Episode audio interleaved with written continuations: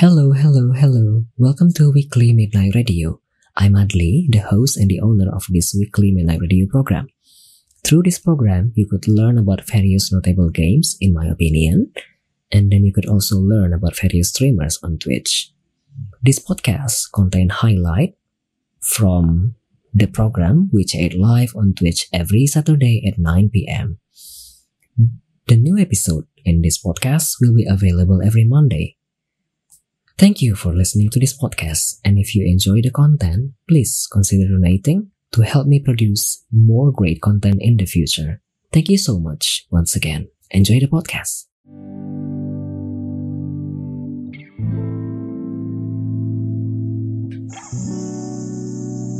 Welcome back to Weekly Midnight Radio episode 23. Selamat datang kembali di Weekly Midnight Radio episode ke-23.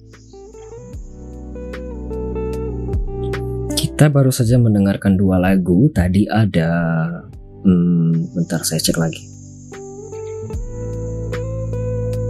Tadi ada Bruno Mars, Anderson Park, Silk Sonic dengan Smoking Out the Window di request oleh Mas Kun. Lalu ada Jane the Boy, Jane and the Boy dari bukan Jane and the Boy dengan Starry Eye di request oleh BUYT.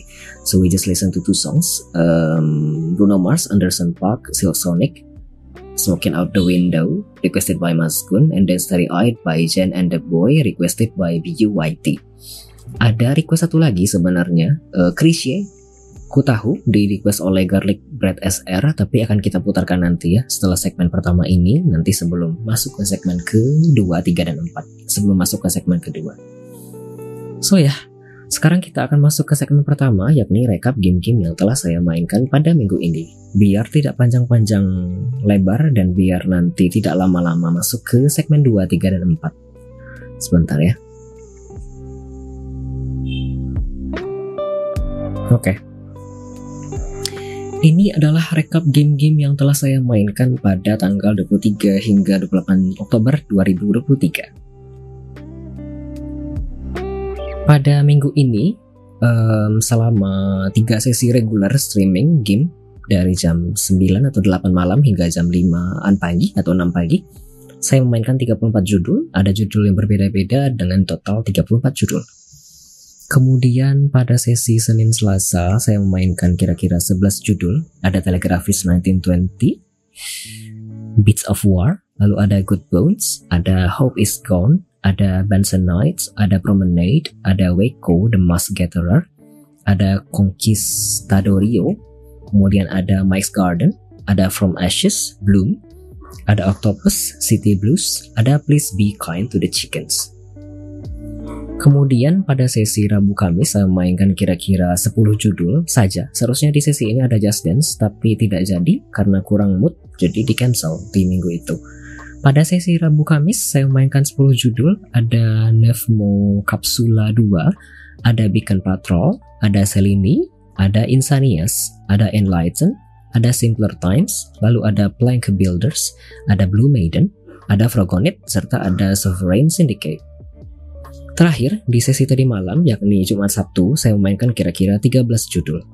Ada is Rival, ada Horde Hunters, kemudian ada System Crash 92, ada 10,000 Coins, ada Hell Throne, oh bukan, bukan Hell Throne, uh, Tower Defense RD kalau tidak salah. Kemudian ada Clicker Guardians, ada Dragon Loop, ada Diluvian Hero chapter 1-nya, lalu Iron Dungeon, Polytopia, The Battle of Polytopia, Bang on Balls, Chronicles, lalu ada Hamster and Scramble, dan terakhir ada Super 56. Sekarang saya akan masuk ke beberapa klip dari beberapa game yang saya notable pada minggu ini. Sebentar ya. Saya masuk ke game pertama di tema Heavily Narrative Story Rich. Pada tema ini ada dua game.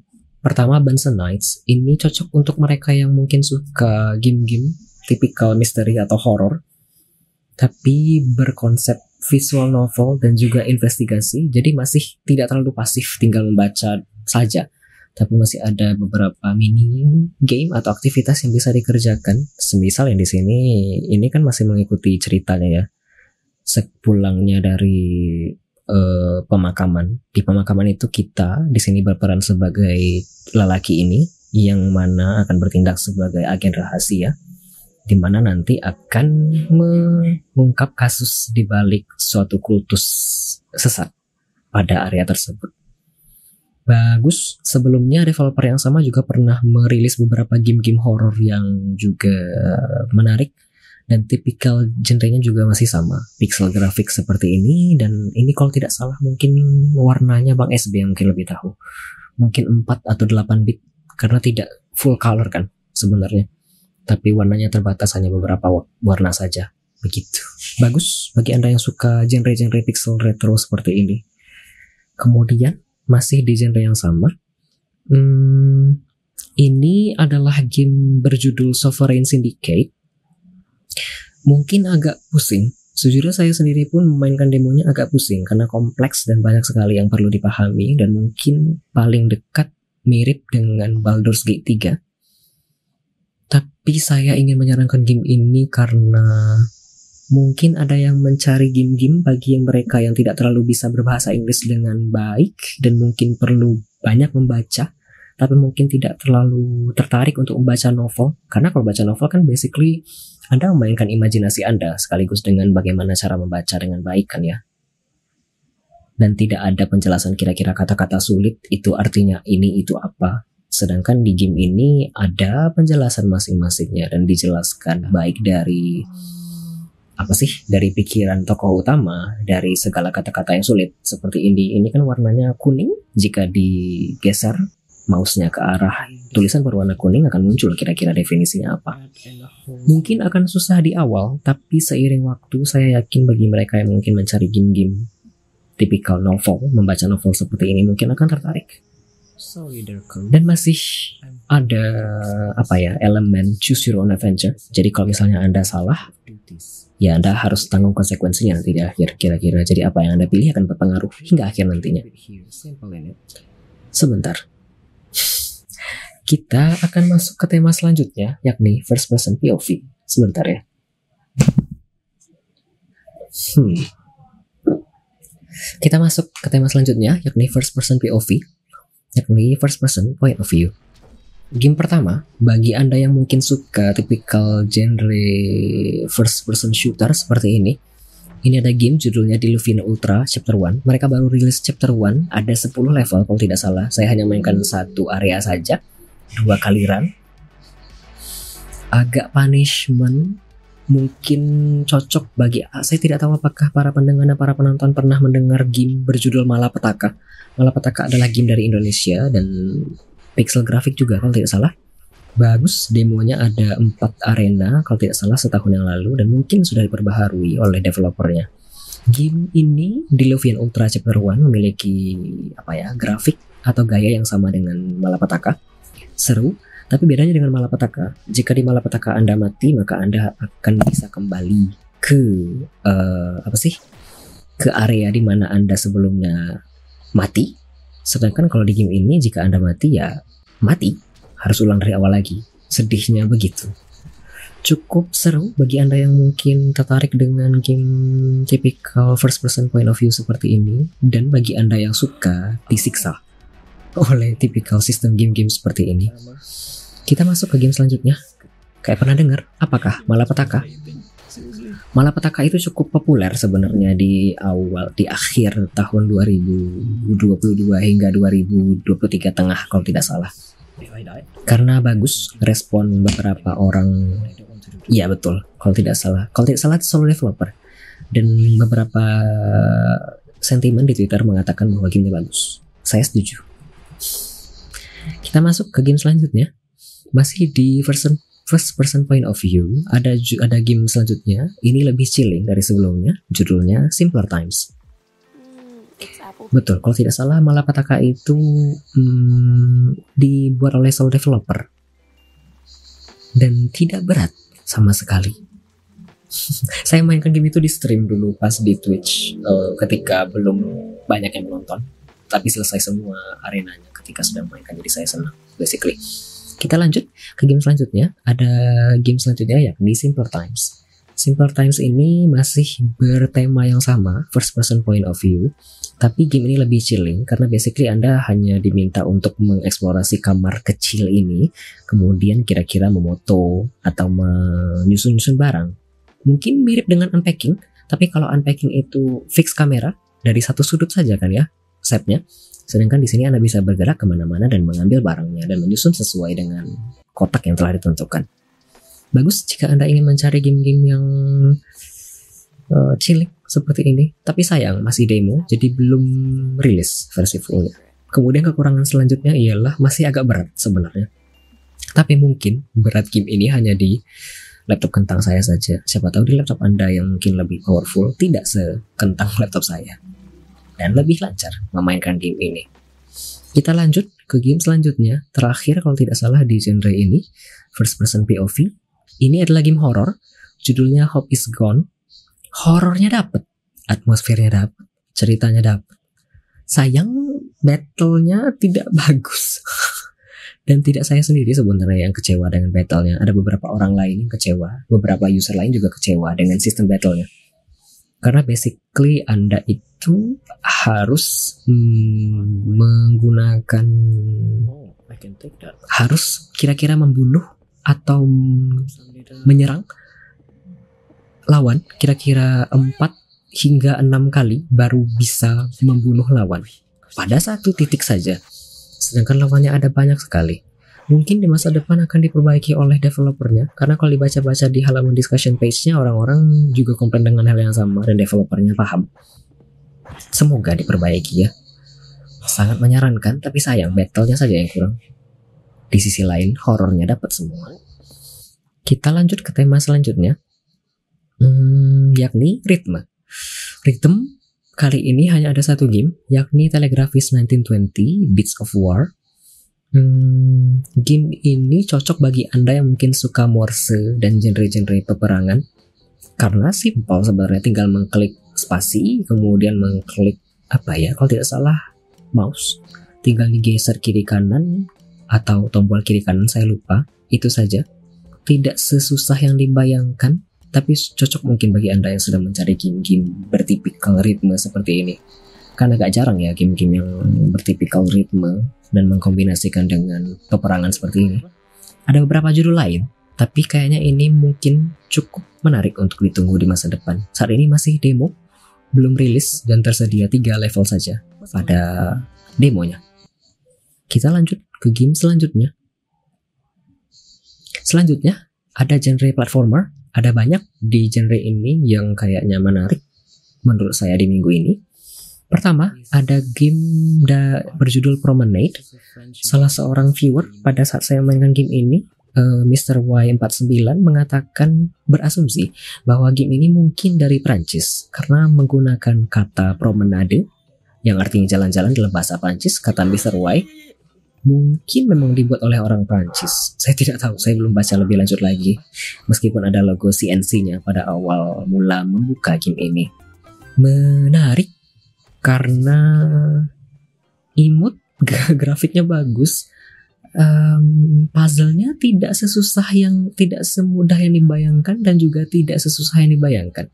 Kira-kira dalam satu area itu ada mungkin berapa ya? Mungkin belasan puzzle yang harus dikerjakan unik, logis, dan mudah untuk dikerjakan, seru, jadi menantang, tapi tidak terlalu susah. Mungkin bagi Anda yang ingin mencoba demo ini, demonya panjang loh, serius.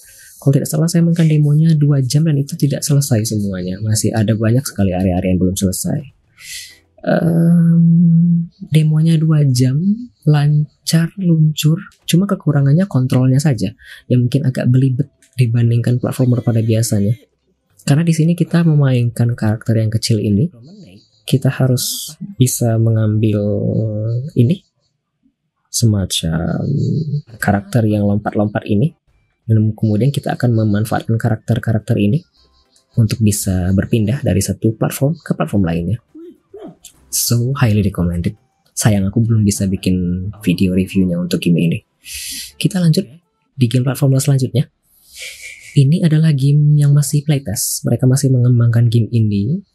Hmm, kalau kata Mr. Y49, viewer yang sama di stream tadi malam ketika mainkan game ini. Game ini sangat mirip dengan game Hollow Knight. Saya saya pribadi tidak termasuk orang yang basically tahan tantangan. Saya termasuk orang yang lemah pada tantangan. Sedih sebenarnya main game ini. Seru, seru, seru. Cuma sedih karena kalau misalnya mati Anda harus ulang dari awal. Tak mengenal seberapa jauh Anda telah mengeksplorasi area tersebut.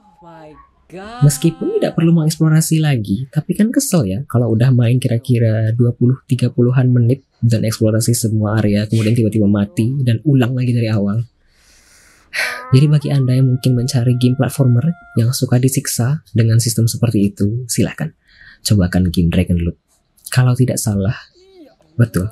Kalau tidak salah, ini adalah game yang di develop oleh single developer. So,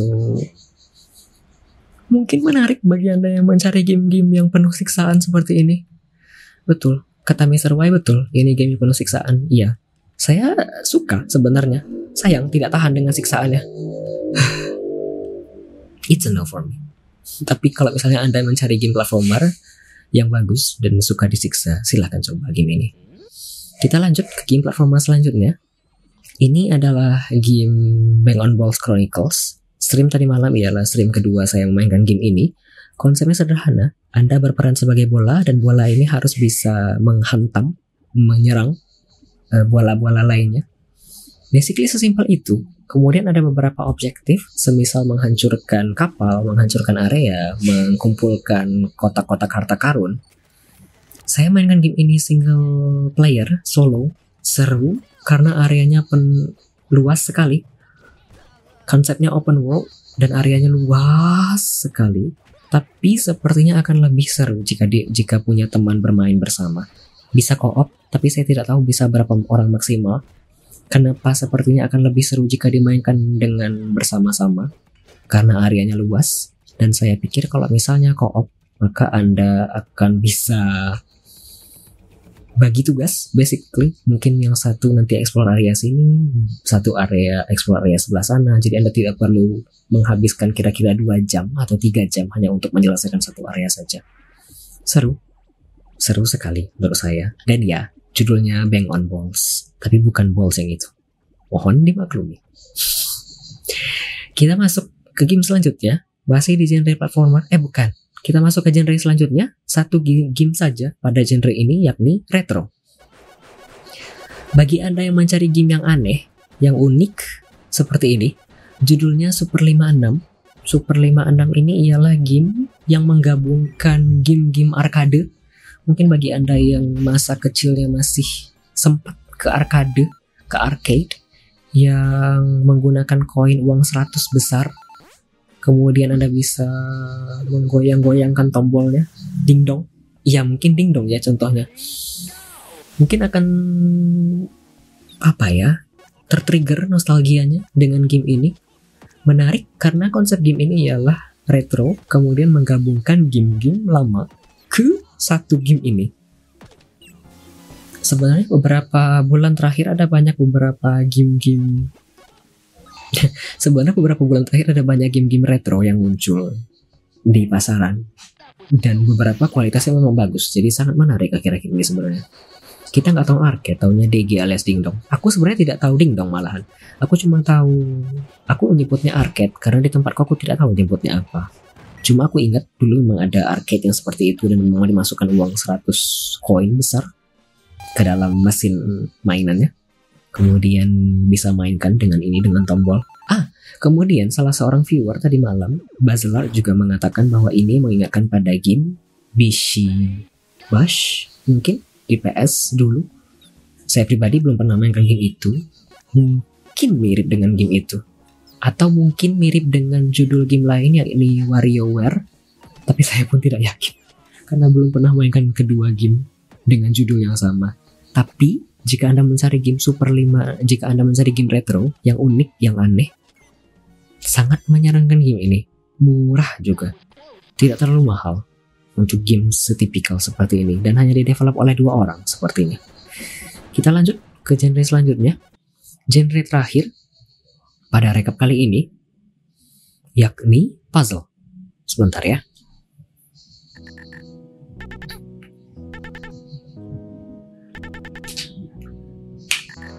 Di genre puzzle, yang pertama yang ingin saya rekomendasikan ialah Frogonit. Frogonit ini saya ragu apakah di, di develop oleh satu orang atau tidak ya. Apakah single solo developer atau tidak ya. Tapi gamenya bagus. Bagi Anda yang mencari puzzle yang kayaknya Anda butuh puzzle ringan, tidak terlalu susah. Dan mungkin nanti ketika sedang memainkan game ini, Anda perlu momen-momen ketika Anda merasakan wah, wah, semacam yureka-yureka momen. Game ini bagus, saat ini masih demo, belum rilis versi fullnya karena masih dikembangkan kalau sepengetahuan saya. Kalau tidak salah demonya hanya satu jam atau 45 menit saja. Tapi ada banyak sekali areanya, puzzle-nya menarik, logis, dan simple. Tidak sesusah yang dibayangkan dan tidak apa ya, tidak membosankan menurut saya selaku pemain game ini. Tidak berat juga. So I would highly recommend this one berencana bikin reviewnya juga, tapi mungkin belum dalam waktu dekat. Kita lanjut ke game selanjutnya. Ini ada game selanjutnya, masih demo, demonya pendek sekali, cuma 15 menit basically. Judulnya Conquist Conquistadorio, bukan dibacanya Conquistador, tapi Conquistadorio kalau tidak salah, karena bahasa Spanyol kalau tidak salah. Hmm, simple, point and click logis game artnya bagus, grafiknya seperti ini, gelap, temanya dark dan gelap seperti ini. Sayang demonya pendek sekali, hanya 15 menit, tapi beruntungnya tadi malam diri di accept request untuk memainkan full gamenya, jadi mungkin akan dimainkan dalam waktu dekat. Mungkin tidak dalam dua minggu ke depan, mungkin akan dimainkan dalam waktu dekat. Semoga lebih baik lagi ya beberapa sentimen terkait game ini juga bagus. Semoga full gamenya memang bagus. Kita lanjut ke game selanjutnya, yakni Mike's Garden. Eh, Mike's Garden. Ini simple bagi Anda yang ingin mencari game chilling. Mungkin ada beberapa streamer yang konsepnya pingin ngobrol saja dengan para viewernya, dengan para penonton yang hadir di streamernya, di streamnya mungkin ingin mencoba game ini karena konsepnya tidak susah. Anda hanya perlu memindahkan tanaman dari satu area ke area lain, kemudian ya kalau sudah segaris nanti akan hilang. Hanya bisa segaris lurus atau segaris me melintang atau membujur ya. Begitu kalau tidak salah ya bagusnya membilang dalam bahasa Indonesia. Bisa 6 atau 7 line basically dan sesimpel itu agak berat sesungguhnya karena mungkin masih dalam pengembangan, mungkin juga di develop oleh single developer saja. Jadi kalau Anda mencari game puzzle mix and match hmm, yang sederhana, tidak terlalu banyak perlu berpikir dan hanya perlu untuk basically kayak chilling-chilling dengan para viewer ketika sedang streaming, mungkin boleh coba demo dari Max Garden demonya tidak dibatasi limit jadi Anda bisa memainkan berapa lama pun seharusnya ketika mainkan game ini. Terakhir, pada game recap ini, wah terakhir, wah. Terakhir di game recap pada minggu ini yakni Plank Builders. Pada game ini, Anda memainkan peran selaku seorang monyet. Basically, Anda berperan selaku Tuhan di game ini? Hmm, aku tidak yakin. Sebenarnya aku ya ragu antara menggunakan istilah Tuhan atau Godfather. Karena basically anda itu hanya perlu me, apa sih? Menyusun itu menyusun papan-papan agar anda bisa berjalan dari satu area ke area lainnya dan anda tidak bisa menyentuh lantai. Atau basically kalau di masa kecil dulu floor is lava kalau dalam bahasa Inggrisnya. Jadi Anda tidak boleh menyentuh lantai dan Anda hanya bisa me menginjak beberapa area-area yang tersedia saja. Sesimpel itu saja. Kenapa saya bilang tadi Anda bertindak sebagai Tuhan dan berperan sebagai monyet ini? Jadi Anda hanya perlu mengambil kelereng-kelereng bentuknya marble dan melayang-layang. Nanti Anda hanya perlu mengambil kelereng, kemudian menginjak papan-papan yang ada, kemudian nanti Anda hanya perlu memasukkan kelereng ini ke dalam monyet-monyet yang ada yang ada nanti bisa Anda gunakan lagi untuk para pembangun jalan-jalan lainnya di area ini atau pembangun bangunan-bangunan lainnya di area ini. Menarik sejujurnya, meskipun agak berat saat ini, tapi mungkin beratnya hanya di laptop kentang saya saja. Tapi secara singkat dan tema bagus. Belum pernah kayaknya saya menemukan game dengan genre yang sama. how many souls I have. Huh. Oh, I need to make more plans. Dan habis. Tidak ada lagi rekap gamenya. Sudah selesai. Yay. selesai cuy. Ada yang kondangan di depan. Aduh ya Allah. GG. Thank you Angkera Kun. Terima kasih telah mendengarkan jawab-jawab saya mengenai rekap game pada minggu ini. Sebentar ya.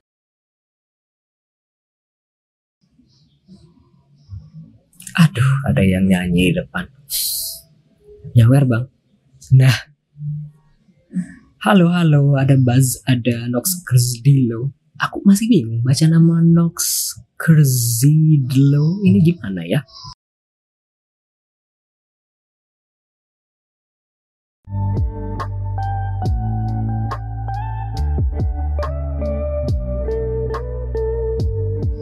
Aduh baiklah. Um, ya Allah nyanyinya.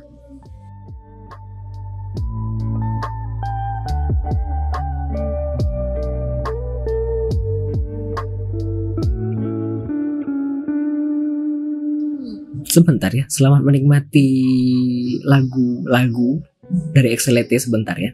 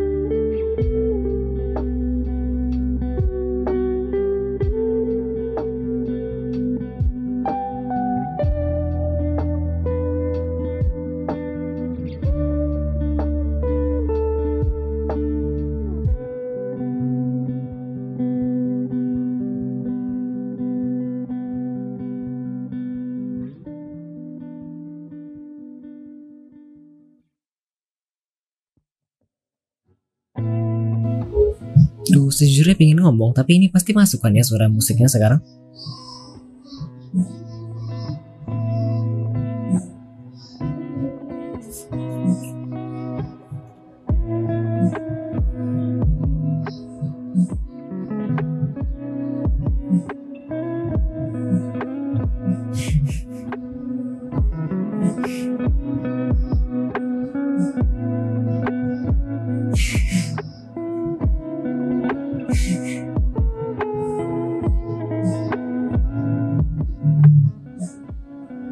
Sudahlah.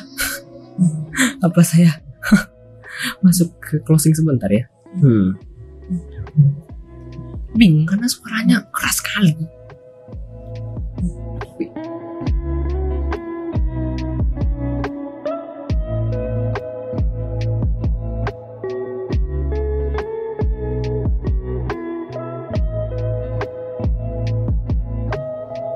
Anyway, ya tadi saya baru saja menyampaikan recap game-game yang telah saya mainkan pada minggu ini, yakni pada tanggal 23 hingga 24 Oktober 2023. Sekarang kita akan masuk ke tiga lagu terlebih dahulu ya. Break sebentar sebelum masuk ke segmen 2, 3, dan 4. Meskipun bintang tamunya masih belum hadir sejujurnya. Aku bingung, jika masih tidak ada sampai nanti mau bagaimana ya? sebentar ya. um,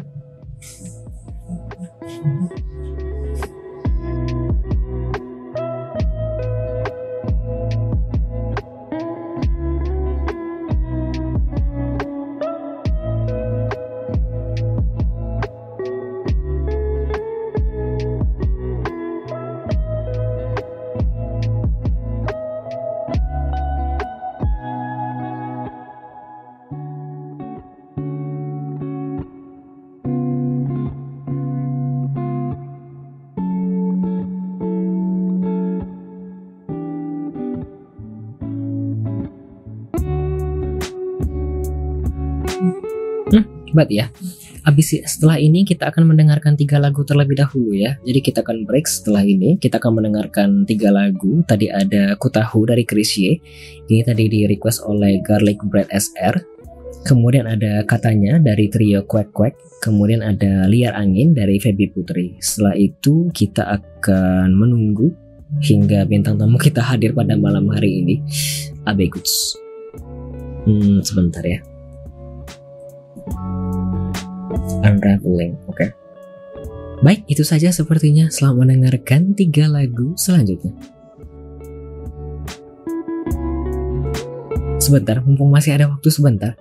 Selamat datang. Tadi ada Mr. Y49, ada Nox Zidlo, lalu ada Joel underscore Nathan, ada Angkirokun, ada Basilar, lalu ada Kaze Cruz, ada Indong, ada Lee. He, Lee plays with friends. Should I ask? Should I call his name as Lee or should I call his name as E? But ya, ah ada yang request lagi. Jadi setelah ini kita akan mendengarkan tiga lagu ya. Ku tahu dari Chrisye di request oleh Garlic Bread SR, lalu ada Kamu dari Cowboy Junior di request oleh Joe underscore Nathan, lalu ada katanya dari trio Quack Quack. Setelah itu kita akan masuk ke segmen 2, 3, dan 4 yakni bincang-bincang dengan bintang tamu kita pada malam hari ini, Abe Goods. Itu saja, selamat mendengarkan tiga lagu selanjutnya.